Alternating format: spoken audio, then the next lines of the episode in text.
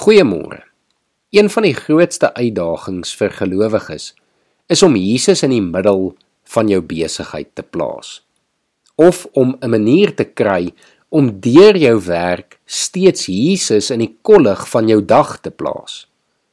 Vanoggend wil ek saam met jou nadink oor maniere hoe ons dit kan regkry. Miskien is jy bevoorreg om jou eie besigheid te hê en daarom kan jy as leier makliker besluit om Jesus in jou besigheid in te nooi. Jy kan oorweeg om te begin om saam met die wat wil in die oggend 'n stuk te lees en saam te bid of om vergaderinge met gebed te begin open.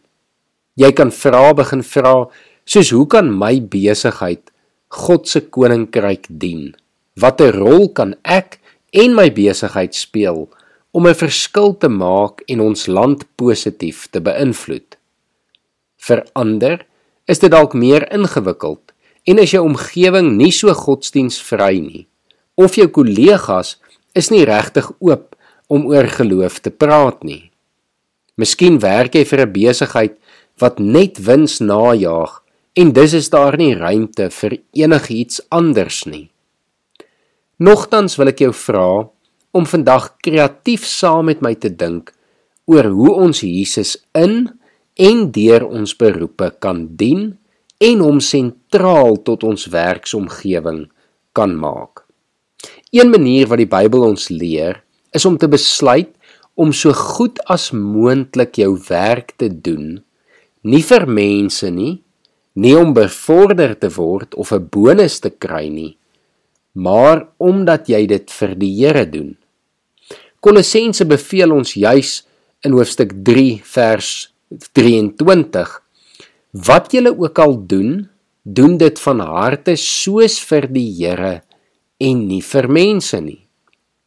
Efesiërs sluit hierby aan, maar gaan nog verder deur in hoofstuk 6 vers 7 te sê: Al is julle slawe, doen julle werk met lus, soos vir die Here en nie vir mense nie.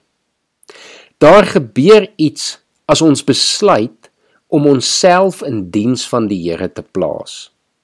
Eerstens word ons bewus van die feit dat ons werk meer as net 'n werk is. Maar tweedens begin ons beter werk en word ons werk 'n getuienis van hom in wie se diens ons staan. Maar natuurlik gaan dit ook oor meer as net ons werk. Dit gaan ook oor ons verhoudinge en interaksies met mense by die werk. Dit is juis daar waar ons mense so moet behandel dat ook hulle iets van Jesus in ons sal sien. Begin met mense praat en dalk ontdek jy nog dat daar mense is wat dieselfde as jy voel. Oorweeg dan om saam te begin bid vir die werk en die besigheid en vra die Here se seën oor julle werk en die besigheid in geheel. Toe Jakob vir Laban gewerk het, het God nie net vir Jakob nie, maar ook vir Laban geseën. Soveel so dat Laban dit agtergekom het.